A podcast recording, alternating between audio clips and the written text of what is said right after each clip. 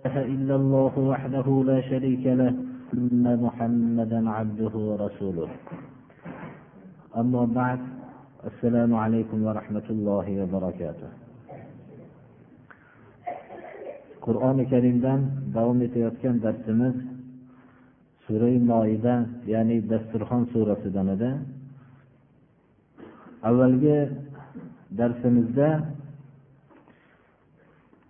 bashariyat tarixidagi birinchi bir jinoyatni ya'ni odamni qatl qilishlik haqidagi bo'lgan voqeani alloh subhanahu va taolo rasululloh sollallohu alayhi vasallamga farmon berib buni tilovat qilib bering degan voqeani o'rgangan bo'ldik.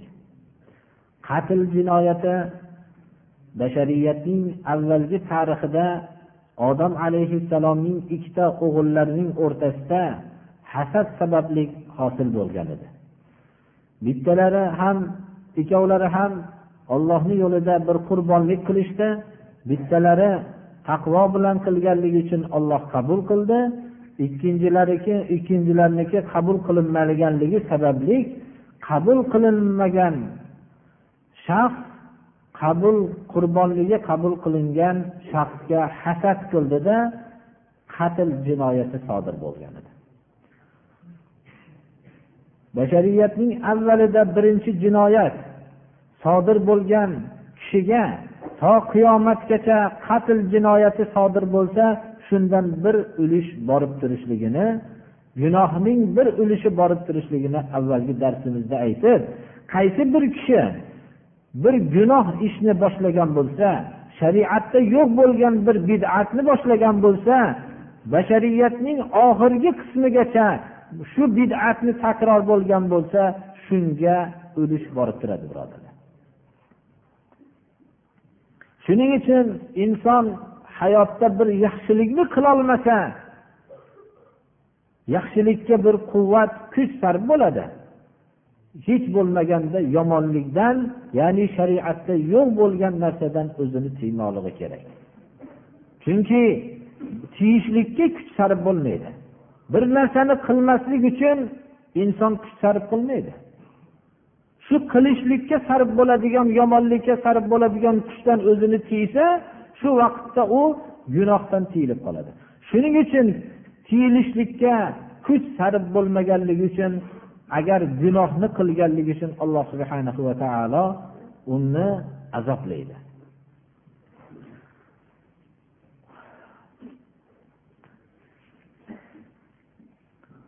استعيذ بالله.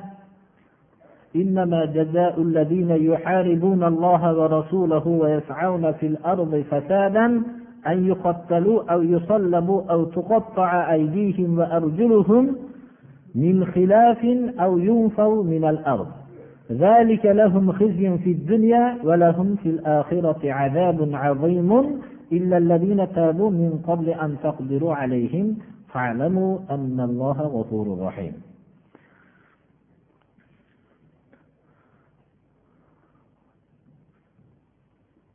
avvalgi darsimizdagi odamni qatl qilinishlik jinoyati yerdagi fasodga sabab bo'ladi. Bo'lganligini aytib o'tgan edik.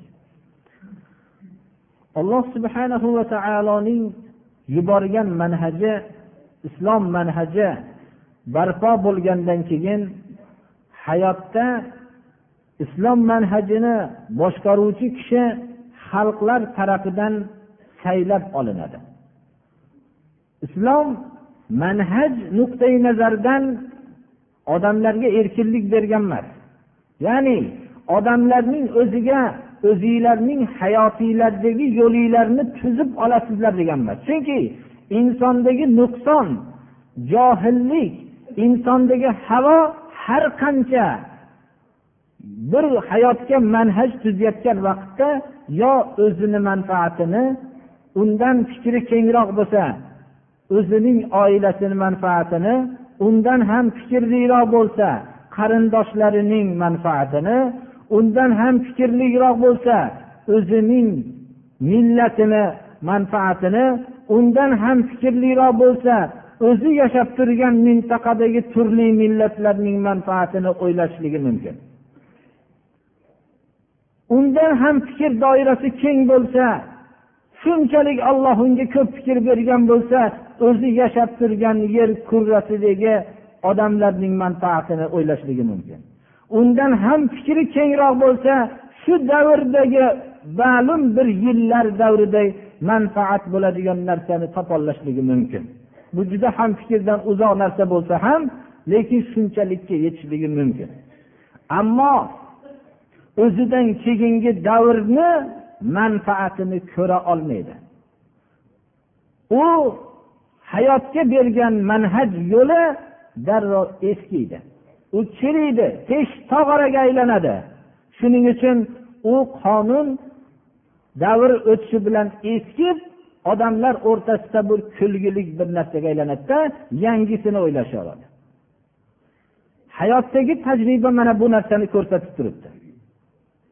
Alloh subhanahu va taolo insonlarga hayot yo'lini tuzishlik erkinligini bermadi.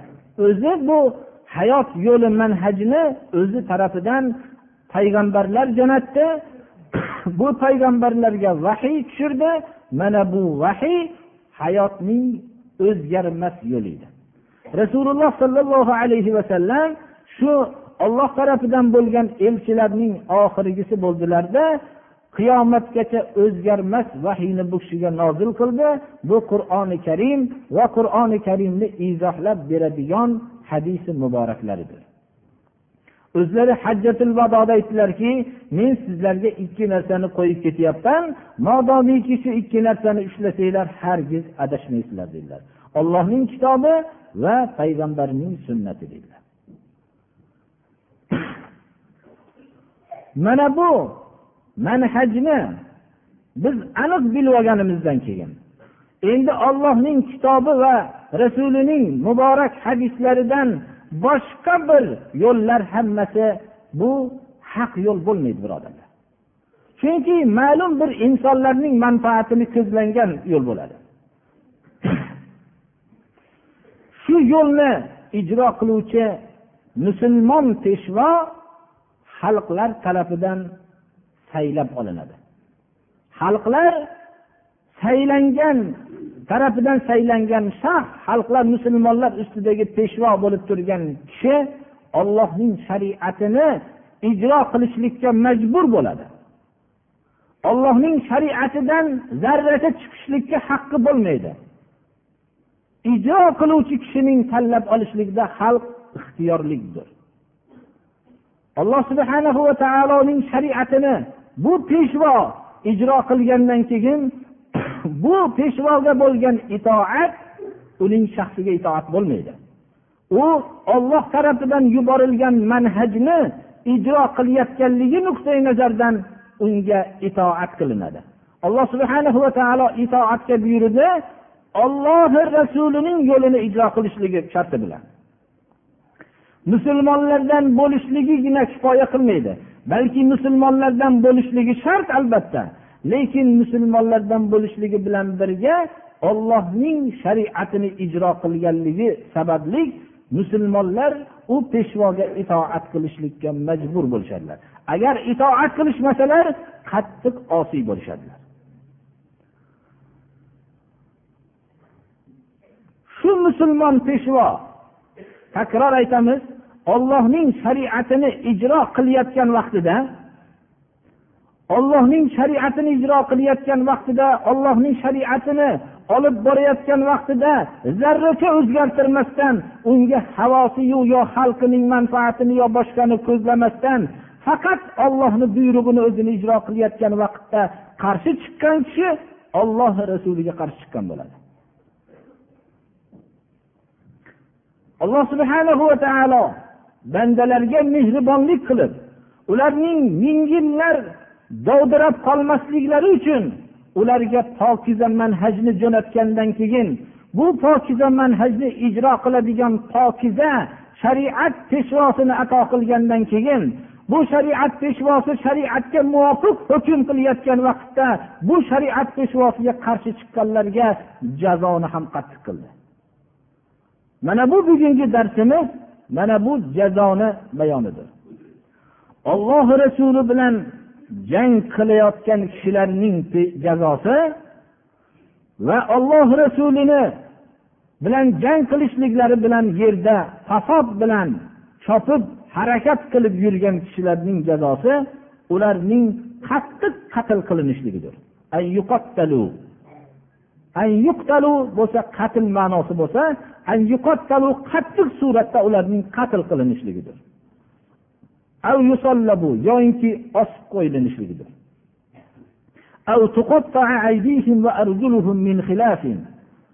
yoyinki ularning qo'l va oyoqlarining almashlangan holatda qirqib tashlanishligidir. Ya'ni almashlanish ma'nosi shuki o'ng qo'lini qirqilgan bo'lsa oyog'idan chap qo'lini qirqilishligidir. Insonning harakati shunda qiyinlashadi.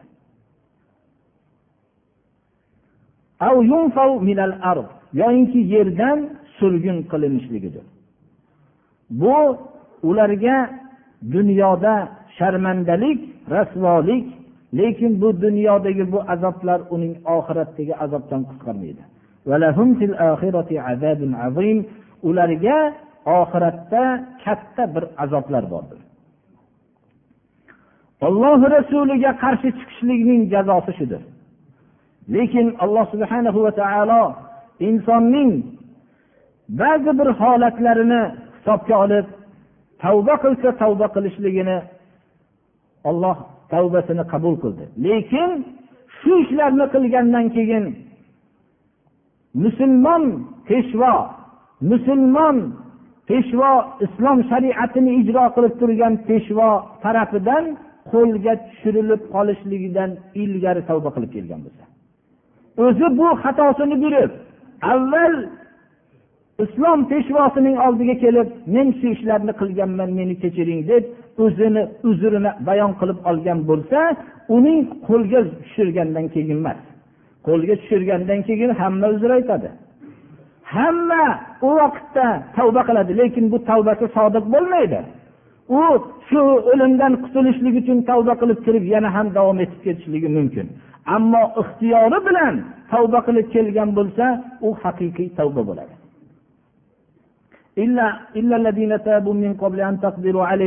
Ma'nosi shudirki sizlar ularga qodir bo'lishinglardan ilgari qo'lga tushirishinglardan ilgari tavba qilib kelgan bo'lsa bular mustasno. Bilinglarki olloh kechiruvchi va rahmdil zotdir. Alloh subhanahu va taolo qudratli zot bo'lib kechirgandan keyin sizlar ham kechiringlar. Islom insonni shunday inson deb qabul qiladi. Inson haqiqatda shunday yomon xatolarni qilib ham tavba qilishligi mumkin. Ammo islom buni kechirishligida jiddiydir. Boshqa yo'llar bo'lsa hech qachon kechirmaydi. Boshqa yo'llarda ham qonunlarida ham agar bir kishi o'zining xatosiga iqror bo'lib kelsa uni kechiriladi deyiladi lekin bu iqror bo'lsa degan narsa uni qo'l oyog'ini bog'lab habsga tashlashlikka bu ishlatiladi xolos. U xatosiga iqror bo'lolmayotgan vaqtda uni xatosiga iqror qildirib olishlik uchun ishlatilinadi xolos bu narsani. Va shu bilan u ayblarni aytib bergandan keyin aybini bo'yniga qo'yib jinoyatchi qilishlikka ishlatiladi xolos. Shuning uchun boshqa qonunlarni tekshirib ko'rsa jinoyatchi kishilar o'zining xatosini bilgandan keyin borib men shu xatolarni qilgan edim deb iqror bo'ladigan kishini topolmaysiz. Nima uchun? Uni hech qachon kechirilmaydi. Qonunlarda yozilib qo'yilgan mabodo shu iqror bo'ladigan bo'lsa kechiriladi degan narsa uning jinoyatini aniqlashlik uchun ishlatiladi xolos. Ammo islom insonning har qanday yomonliklar qilgan bo'lsa ham inson xatosiga iqror bo'lib o'nglanib ketishligi mumkin ekanligini. Buni tan olib islom buni jiddiy voqeiy suratda aytadi. Islom butun ashoblarning tozalarini shahid qilgan kishilarni kechirdi. Islom vatanlaridan quvg'in qilingan ashoblar butun pokiza rabbim olloh deganligi uchun uylaridan shaharlardan haydalgan kishilarni kechirdi. Islom hamza abdul muttolibni shahidlarning sayyidi bo'lgan kishini shahid qilgan vahshiyni kechirdi. Islom butun umri bo'yi olloh rasulini haju qilgan islomga qattiq qarshilik qilgan kishilarni kechirdi. Rasululloh sollallohu alayhi vasallam makkani mukarramani fath qilganlaridan keyin hamma asir bo'lib turardi. Hamma rasululloh sollallohu alayhi vasallamga o'n yil ozor bergan u kishining atroflariga rabbim olloh deganligi uchun jamlangan kishilarni vahshiyona qatl qilgan ularning uylarini yondirgan mollarini talon taroj qilgan o'zlarini quvg'in qilgan ketma ket habasistonga va madina munavvaraga sahrolarda piyoda hijrat qilishlikka shularga chiqib chiqarib tashlangan kishilarni hammasini asir qilib turilganda rasululloh sollallohu alayhi vasallamning vujudlariga butun ko'zlar tikilgan edi. Hozir o'zini va o'zining odamlarini quvg'in qilib mollarni talon taroj qilingan kishilarga bu zot nima muomala qilar ekan deb butun dunyo qarab turardi. Rasululloh sollallohu alayhi vasallam ey ahli makka meni sizlarga nima muomala qiladi deb o'ylaysizlar? dedilar. Siz ulug'imizsiz ulug'imizning o'g'lisiz deyishdilar. Boringlar hammanglar ozodsizlar dedilar.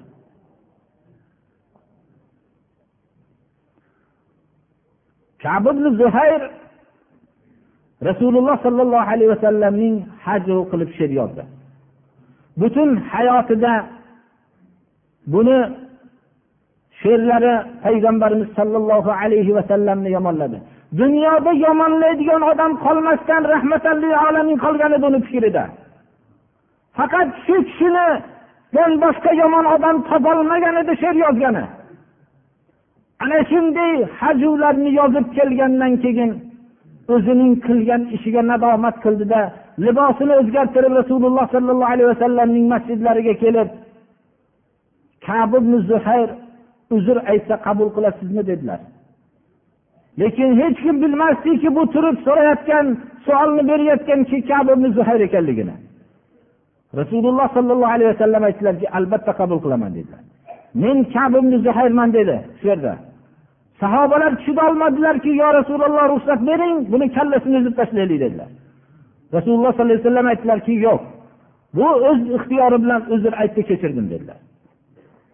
Shunda bonat soat qasidasini payg'ambarimiz sollallohu alayhi vasallamning sha'niga maqtab yozilgan qasidasini o'qib berdi. Bu qasidani eshitdilar payg'ambarimiz sollallohu alayhi vasallam. O'zlaridagi yagona ko'ylaklarini yechib kiydirib qo'ydilar. Payg'ambarimiz sollallohu alayhi vasallam namuna bo'lganlar kechirgan kishilarning peshvolari bo'lganlar. Mana bu narsa islomda eng qattiq bir ishlarni qilgan kishilarni ham mabodo qodir bo'lmasdan qo'lga tushmasdan ilgari uzr aytgan bo'lsa kechirganligi tarix bilan to'ladir. Hatto vahshiyni kechirdilar. Vahshiy hamzatu abdul muttolibni o'ldirganligiga shahid qilganligiga ozod bo'lgan edi. Harislik bilan o'ldirgan edi. Qornini yorib jigarini hindga olib bergan edi. Mana shu kishini kechirdilar. Islom hayoti bo'yicha islom bilan kurashib islom kishilariga zarar yetkazib butun hayotini go'yo boshqa bir nopoklik qolmagandek islom bilan kurashib hayotini islomni yo'qotishlikka bag'ishlagan kishilar robbim kechirgin men bilmabman deb kelsa kechiradi islom. Boshqa hech qaysi dunyoning qonunida biror bir xatoni qilib qo'ygan bo'lsangiz agar shu xato sababli u xato bo'xtonmi haqiqatmi boshqa bo'lsa ham biror bir jinoyat bilan bir xato qilib qo'ygan bo'lsangiz uni hech qachon sizning o'zingiz emas balki farzandlaringizni ham shu narsaning shu odamning o'g'li deb sizning ma'lum bir o'rinlarga qo'ymasdan kechirmaydi birodarlar biror bir ishonchli mansabni berilmaydi. Islomdagi jinoyatlarni jazosi insonlarni poklaydi inshaalloh keyingi darslarimizda ba'zi bir jinoyatlarning jazosini poklovchi ekanligi haqidagi inshaalloh darslar keladi.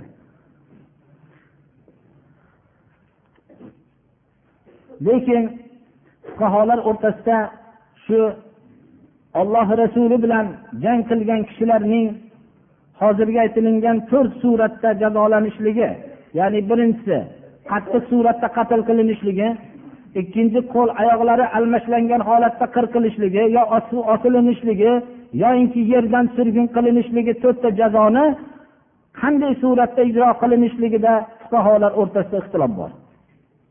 Imom azam rahmatullohi alayhi va imom shofiy ahmad ibn hambal ajmain bularning fikrlarida bir odam bir kishini nohaq qatl qilgan bo'lsa molini olmagan bo'lsa buni qatl qilinadi.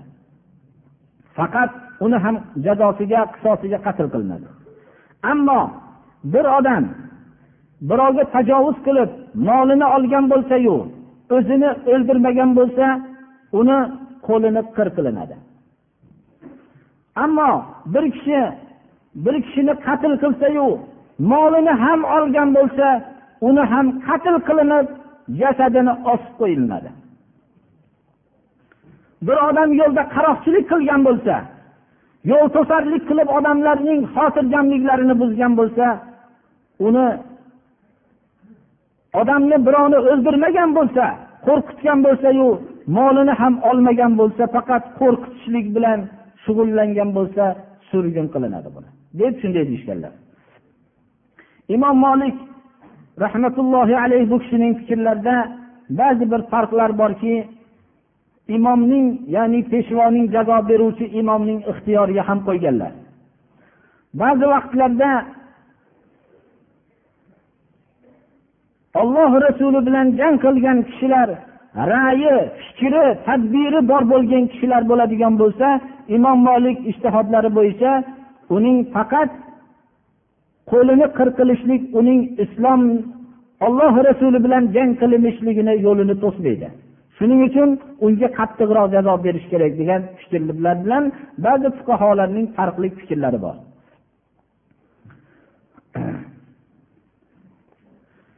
يا أيها الذين آمنوا اتقوا الله وابتغوا إليه الوسيلة وجاهدوا في سبيله لعلكم تفلحون ey iymon keltirgan kishilar ollohdan qo'rqinglar qo'rquv alloh subhanahu va taolodan bo'lmoqligi kerak. Bu insonning ulug'ligiga loyiq bo'lgan qo'rquvdir. Ammo boshqa narsalardan qo'rqishlikchi bu insonning xorligiga sabab bo'ladigan qo'rquvdir.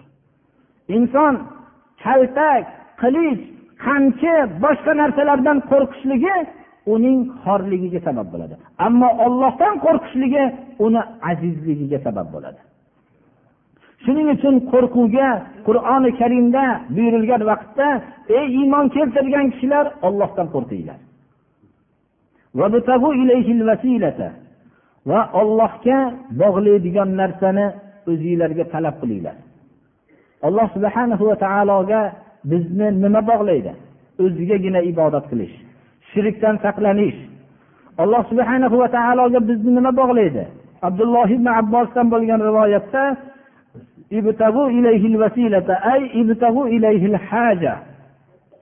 ollohga bo'lgan muhtojliginglarni bir istanglar ollohga bo'lgan muhtojlikni inson his qilsa alloh subhanahu va taologa o'zini yaqin bo'lishligiga harakat qiladi.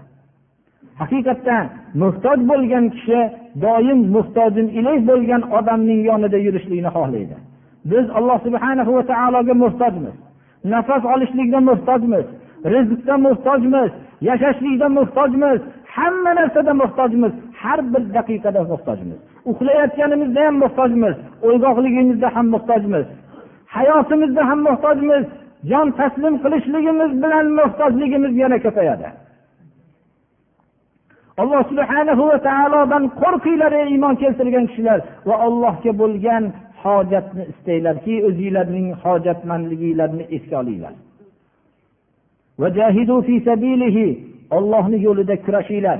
Har bir harakatinglarni har bir molinglaru kuchinglarni hammasini ollohni yo'lida sarf qilinglar. laallakum tuflihun shunda najot topasizlar. Inson ollohdan qo'rqish va ollohga bo'lgan ollohga bog'laydigan sabablarni istash ollohni yo'lida joniyu moli bilan kurashishligi bu insonning najotiga sabab bo'ladi. لو أن لهم ما في الأرض جميعا ومثله معه ليفتدوا به من عذاب يوم القيامة ما تقبل منهم ولهم عذاب أليم يريدون أن يخرجوا من النار وما هم بخارجين منها ولهم عذاب مقيم kofirlarning qur'oni karim oyati achinarli bir holatini olib kelyapti lug'aviy ma'nosi shuki kofirlar agar ularga yer yuzidagi hamma narsa shularniki bo'lsa va shu yer yuzidagi narsaga yana qo'shilib shunchalik narsa birga bo'lib shularniki bo'lsa qiyomat kuni ana azobidan shuni berib qutulishliklari uchun harakat qilishsa ham ulardan qabul qilinmaydi. Ularga alamlantiruvchi azobdir. Ular o'tdan chiqishlikni maqsad qilishadi. Lekin ular hargiz o'tdan chiquvchi emas. Ularga to'xtamsiz bir azob bordir. Alloh subhana va taolo iymonsiz o'tgan kishilarga aytar ekan agar hozir seni yer yuzidagi narsa hammasi seniki bo'lganda shu azobdan qutulishlik uchun berarmiding? desa robbim berardim bundan ko'proq bo'lsa ham der ekan. Ammo sen dunyoda ozgina narsa sendan talab qildim. Bu narsani sen bermading bergan bo'lganingda shu holatda qolmasding der ekan. Alloh subhanahu va taolo mana bu oyatda insonning ko'z oldiga shunday bir holatni olib kelyaptiki yer yuzidagi hamma narsani hayolingizga keltiringki sizniki. Ya'ni bunday deyilmasinu yer yuzidagi hamma narsa bir kofirniki bo'lsa. Unga qo'shilib yana shunchalik moli davlatni ham uniki. Inson buni hayol qilolmaydi. Chunki uning ko'rgan narsasi bir yer yuzidagi ozgina narsani ko'rgan. Yer yuzidagi hamma narsa uniki bo'lib va shunchalik moli davlat yana qo'shilib uniki bo'lganlik. Bu shu narsani ko'tarib olib kelyaptiki shu o'tdan qutulishlik uchun shuni olinsin men o'tdan qutulay deyapti. Bu bo'lsa buning talabiga quloq ham solinmayotgan holat. Ular yana uni ustiga do'zaxga kirib ketyapti shuncha yolborayotgan holatda ham. Ular bo'lsa chiqishlikka harakat qilyapti bularni xorlanib bo'lsa ham do'zaxga itarib tashlanayotgan bir holatni qur'on tasvirlab beryapti. Ana dunyoda kufri bilan faxrlanib yurgan kofirlarning qiyomatdagi holati. Ana ozgina vaqtdagi holatga aldanib iymonini bergan kofirlarning holati. Ozgina bir dunyo matosiga aldanib kufr yo'llarini hammasini o'ziga ma'qul deb qilayotgan kofirlarning holati. Ulardan islom hozir hech narsani talab qilayotgani yo'q. Ozgina narsani yakka yaratuvchisiga bo'lgan o'zining tabiati va olam isbotlab turgan ollohga bo'lgan iymonni talab qilyapti. Shu zotning besh marta buyrug'ini bir kechayu bir kunduzda besh vaqt namozni talab qilyapti. Bu ham o'zining pokligiga sabab bo'ladigan. Va bir oy bir yilda ro'za tutishligini talab qilyapti.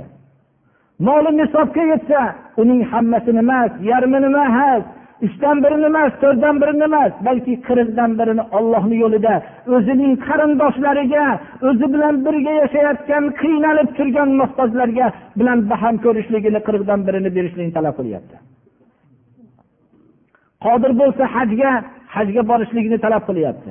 Islom undan ozgina qirqdan bir molini o'zining qarindosh tug'ishgan o'zining aka ukalaridan muhtoj bo'lsa yoinki qarindoshlaridan muhtoj bo'lsa yoinki o'zining yori birodarlardan yo o'zining inson avlodi deb atalgan muhtoj avlodlarda qirqdan birini berishlikni talab qilayotgan vaqtda bunga nayrang qilgan edi. Mana bu narsa alloh subhanahu va taoloning huzurida islom qonunlariga kofir bo'lganlar yer yuzi molim hammasi bo'lsayu bu narsani berardim shu azobdan qutulish uchun deydi alloh subhanahu va taolo bu vaqtda qabul qilmaydi ularga davomiy azob bilan azoblaydi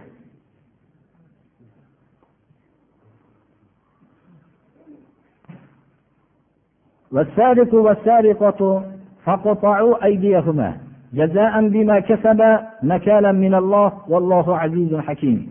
فمن تاب من بعد ظلمه وأصلح فإن الله يتوب عليه. إن الله غفور رحيم. ألم تعلم أن الله له ملك السماوات والأرض يعذب من يشاء ويغفر لمن يشاء. والله على كل شيء قدير. islomiy jamiyat islom dorida yashagan kishilarning hamma ta'minotlarini bajarib beradi. Islomiy jamiyat islom tarafidan hamma mehribonlikni ko'radi. Har bir kishining haqqini ham to'la beradi. Islomiy jamiyat hayotini saqlab qolishlik uchun bo'lgan zaruriy ehtiyojotlari bilan ta'minlaydi. Uning yemoq ichmoq kiymoq va turmoq bo'lgan ehtiyojotlari bilan hammasini ta'minlaydi. Islomiy jamiyatda har bir kishining jamoat ustidagi haqqi bor. Bu haqqini oladi. Birinchi bu haqlardan bittasi ishlash haqqi bo'lgan. Modomiki ishlashlikka qodir bo'lsa islomiy jamiyat unga maoshiga yetadigan ish topib berishlikka majburdir. Agar ish qilishlikka qodir bo'lmasa unga yetarlik hayotiga yetadigan moddiy hayotiga yetadigan bo'lgan miqdor bilan ta'minlab turadi. Birodarlar ishdan xoli bo'lganlarga birinchi marta maosh bu yerda berilgan emas islomda berilgan birodarlar. Islomdagi qonunlarni agar bilishganda edi hammalari. Umar ibn hattob roziyallohu anhu kechqurun xalqlarning ahvolini tekshirib borayotganlarida bir joydan yig'i tovush chiqdi. Sheriklarga aytdilarki xabar olki bu nima yig'i tovush chiqyapti dedilar. Shunda bir ayol bir bolasi yig'layapti. Umar ibn hattob o'zlari borib aytdilarki ey ayol sen bir o'zing yaxshi bir ayolga o'xshaysan. Bu bolani nimaga yig'latyapsan? dedilar. Aytdilarki buni sutdan chiqaryotgandim dedilar. Bolang necha oylik dedilar. Bolam bir yashardan kichkina ekanligini aytdi. Shunda aytdilarki buning muddati hali sutdan chiqaradigan muddati yetmasdan chiqarmassan dedilar. Chiqaribsan buni. Nima uchun buni o'zini ma'lum bir haqqini bermading dedilar. Dedilar bu ayol umar ibn hattobni tanimasdi. Umar ibn hattob sutdan chiqqan bolalarga pul ajratayotganligi uchun buni tezroq sutdan chiqaryapman dedi. Bu ayol kimga gapirayotganligini bilmasdi. Umar ibn hattob o'zlarining ishtihodlari bilan sut bilan foydalanib turgan bolaga alohida pul ajratishlik hojati yo'q chunki u ovqat yemagandan keyin deb ishtihod qilib o'ylab qolgan ekanlar. Shunda o'zlarining bolalarga zulm qilgan zolim deb o'zlarini atadilar shu kundan butun viloyatlarga e'lon qildilarki bolalar tug'ilishligi bilan ularga maosh ajratilsin dedilar. Chunki ba'zi onalar mumkinki bu sutni tezroq chiqarishlikka harakat qilib moli davlatdan olishlik uchun tezroq chiqarib qo'yishlik ham mumkin bo'lganligini o'z ko'zlari bilan ko'rdilar. Agar musulmonlarga birinchi marta bolalarga pul ajratgan islom desangiz yo'q yevropa deydi. Ular yevropadan olganmiz deyishadi. Bilishadilarmi umar ibn hattob birinchi tug'ilganligi bilan pul ajratgan zot ekanliklarini? Islom hali yoshi kattaga emas tug'ilishligi bilan uning hayotiga kerakli bo'lgan narsalar bilan ta'minlaydi.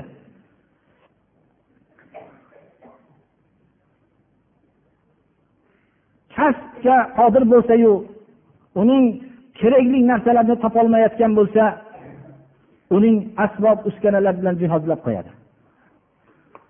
Rasululloh sollallohu alayhi vasallamdan bir kishi moli davlat so'rab kelgan vaqtida unga arqon va bir bolta olib kelib boltani o'z qo'llari bilan muborak qo'llari bilan soplab aytdilarki mana bu boltani arqonni olib o'tin tering va o'tinni olib kelib bozorga soting va meni ahvolingiz qanday bo'layotganligi bilan meni xabardor qiling dedilar.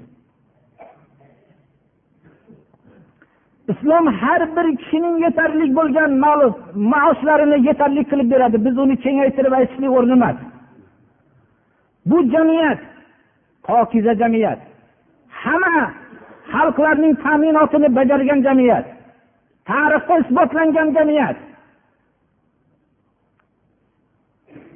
Shunday jamiyatda ularning qalblarini iymon bilan to'ldiradi.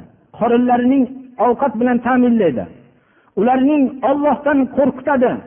Ular o'zlari birovlarga tajovuz qilayotganda mollarining o'zining tug'ishgan bashariyat tarixidagi aka ukasining moliga tajovuz qilayotganligini o'rgatadi. Bu narsaning harom ekanligini biladi. Bu tarbiya bilan borgandan keyin bu jamiyatda endi birovning moliga tajovuz qilgan o'g'ri kishi yoinki o'g'ri ayolni jazolaydi. Buni ayamaydi. Ha bunday pokiza jamiyatda o'zi hamma narsani yetarli qilib bergan jamiyatdagi chiqqan o'g'ri u hech qanday qalbida poklik qolmagan shaxsdir. Mana bu o'g'ri kishi va o'g'ri ayol uning qo'llarini kesinglar. Qilgan ishiga jazoan va olloh tarafidan iqob azoban qo'lini qirqinglar. Olloh qudratli hikmatli zotdir. O'g'ri har qanday ulug' zoda xonadonidan bo'lsin har qanday sharafli bo'lsin har qanday kuch quvvatga ega bo'lsin uni qo'lini qirqinglar. Olloh qudratlidir. Olloh o'zining hukmlarida hikmatlidir. Mana o'g'rining islomdagi jazosi. Inson shu oyatni o'qiyotganda o'g'ri kishiyu bo'ladi lekin hozir unga taajjublanilmaydi. O'g'ri ayol. O'g'ri ayol ayoldek nafosatlik bu inson ham o'g'irlik qilishligi mumkinmi deb odam o'ylanib qoladi. Lekin hozirgi o'g'rilarning sonini hisoblanganda ayollar soni ko'payib ketayotganligini guvohi bo'lasiz. Lekin bu islomning qonunini boshqalar buni islom hech bir qo'lini qirqib tashlaydigan qattiq jazoni ravo ko'rgan deyishadi. Islom o'g'rini bir narsani o'g'irlik qilgan odamnigina ushlab kelib uning qo'lini qirqib dog'ib turgan yoqqa tiqib qo'ymaydi. Islom avval uni iymon bilan tarbiyalaydi. Islom uni avval qornini ovqat bilan ta'minlaydi. Islom uning qalbiga iymonni kirgizadi. Islom uni islomiy pokiza jamiyatda yashashlikni o'rgatadi. Va yana shubha bilan o'g'irlik qilgan bo'lsa uni qo'lini kesmaydi. Umar ibn hattob ramoda ochlik yilida umumiy ochlik bo'lgan yilda qo'l qirqishlikni yo'qotgan ekanlar.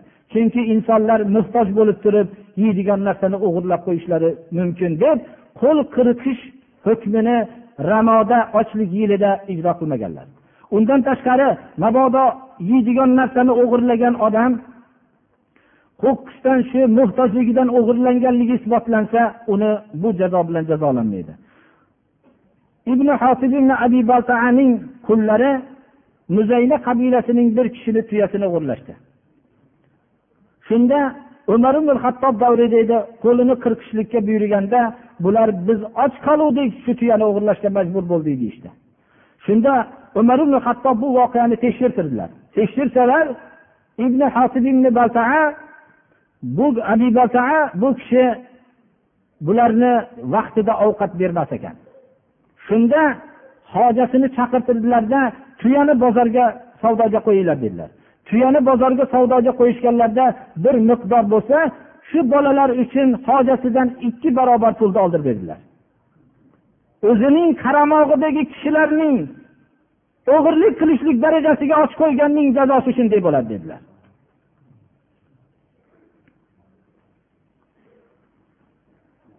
Boshqalar islomdagi o'g'rini qo'lini kesiladi degan narsani o'ylashadiki o'g'rilarni hozirgi vaqtdagi ko'pligidan qo'rqishadi. Biz ularga aytamizki hozirgi o'g'rilar islom tarbiyasini olgan o'g'rilar emas. Ular islomning hayotda masxara qilingan tuzumda o'sgan o'sib tarbiya topgan o'g'rilar deymiz. Avval islomning hayotda tushuntiringlar odamlarning qalbiga iymon kirgizinglar ularning qorinlarini ta'minlanglar ularning oxiratdagi ollohni huzurida turishlikdan qo'rqitishlikni o'rgatinglar. Keyin odamlarni qaranglarki sizlar aytgan ko'p o'g'rilar bu jamiyatda bo'ladimi yo'qmi? Bu haqiqatda o'g'rini qo'lini kesishlikni hozir ijro qilinadigan bo'lsa qo'li bor bo'lgan odam kamayib ketadi. Lekin bu o'g'rilar islomiy jamiyatning tarbiyasini hosilasi emas bular. Bular islomning masxara qilinishlikning achchiq samarasidir. Shuning uchun biz islom qonunlarini islom hukmlarini bilganda yaxshi tushunaylikki avvalo islomni hayotda ko'rilsin. Mana bundan keyin bu chiqsin o'sha aytgan jinoyatchilar? Biz tarixga nazar tashlar ekanmiz. Zamoni saodatdan rasululloh sollallohu alayhi vasallamning davrida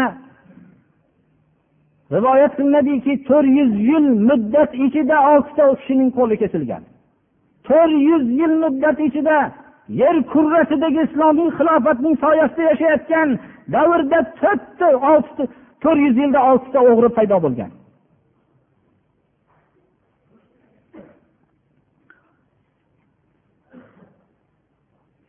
Undan tashqari hozirgi vaqtda o'g'rini qamashlik hukmi ijro qilinadi. Hamma yer yuzida islomga bo'ysunmagan hamma joylar shunday lekin qamashlik qamalgan muddatdagina o'g'rilik qilib aytiradi. Mustasno suratda balki qamoqda shunday mohir o'g'rilar borki qamoqda yotgan o'rnida u shunday ba'zi kamchilik hayotda o'rganolmagan o'g'rilik uslublarini shu yerda o'rganadi. Undan tashqari mahbus bo'lgandan keyin chiqishligi bilan uni o'zining kasbini davom ettiraveradi. Chunki uning hijolat bo'ladigan holati bo'lmaydi. Ammo o'g'rining qo'li kesilgandan keyin bu birinchidan o'g'irlik qiladigan qo'li yo'q. Ikkinchidan biror bir jamiyatda ketayotgan bo'lsa u yengini ichidan qo'lining chiqib qolishligi bilan boshqalar ham undan hushyor bo'lib bu odamning kimligi shu yerda gapirilmasdan ma'lum bo'ladi. Va undan tashqari u ikkinchi marta o'g'irlikka jur'at qilishlikdan ilgari uni odamlar undan ehtiyotli bo'lishadi. U umrbod bu qo'lining o'zi uchun emas farzandlari uchun ham oldida ibrat oladiki farzandlarini ham bunday xatoni qilmasligiga o'zi uydagina tarbiya berib qo'yadi. Men bu yerda meni o'zimga bir hikoya qilib bergan islomni yaxshi bilgan islomni tushunib o'zining islomni bilganligidan ilgari hayotida o'g'rilik qilib yurgan bir bolaning hikoyasini aytib beraman. Bu kishi doim biror bir joyga bormoqchi bo'linsa u alohida yengil mashinada ketardi. U bir umumiy odamlar chiqadigan sayyoraga chiqishlikdan oriyat qilardi. Men undan savol qilardimki nima uchun bu umumiy sayyoraga chiqishlikdan siz oriyat qilasiz desam buni faqat sizga aytib beraman dedi. U men hayotimda o'g'rilik bilan yashaganman. Doim odamlarning cho'ntagiga qo'l solib yashaganman. Shuning uchun men umumiy sayyoraga chiqadigan bo'lsam odamlar meni taniydi. Taniydida shu mashinada men bunga qattiq tavba qilganman. Imkoniyati boricha shu odamlarni rozi qilishlikka hozir ham harakat qilib yuraman. Lekin meni u tavbamni qalbimdagi tavbamni bular bilmaydi. Meni ko'rganligi sababli umumiy sayyorada chiqdi yana deydida mabodo biror voqea bo'lib bir kishi birini molini yo'qotsa albatta menga nisbatlanishadi shuning uchun men umumiy sayyoraga chiqolmayman dedi. Bir kishining qo'li qirqilgan bo'lsa u umrbod bu ishni qaytib qilishlikdan hijolat bo'lishligidan tashqari o'zi shunday holatda yengidan qo'li ko'rinishligi bilan odamlar undan darrov ehtiyot bo'lishlikni o'rniga bu odam nima bilan shug'ullanganligi ma'lum bo'ladi. Inson bu narsa butun odamlarga ibrat bo'ladida qaytib bunday jinoyatni qilmaslikka harakat qiladi. Odamlar juda noqis o'ylashadi. O'g'rining qo'li kesilgan vaqtida u bitta odamning qo'li yo'q bo'lib qolishligini o'ylaydi. Lekin millionlab odamlarning uyida xotirjam yotmasligini o'ylamaydi. Millionlab odamlarning doim tashvishda ular o'zlarining maxsus liboslarda maxsus joylarni tayyorlayotgan narsalarni o'ylamaydi. Hozirgi darvozalardagi qulib kalitlarning sonini ko'pligi nima uchun? Bitta shunday o'g'rini bo'lganligi uchunda butun eshiklardagi hamma mahkamliklar hamma narsalar nima uchun? Odamlarning ichida shunday tajovuzkorlarni bo'lganligi uchunda butun fikrlari bilan katta kashfiyotlar qilishligi mumkin bo'lgan odamlar o'zini o'g'ridan ehtiyot bo'lishlikni fikrlar yashamoqda islom mana bu yerdagi vallohu ali azizim hakim olloh qudratli va hukmida hikmatli zotdir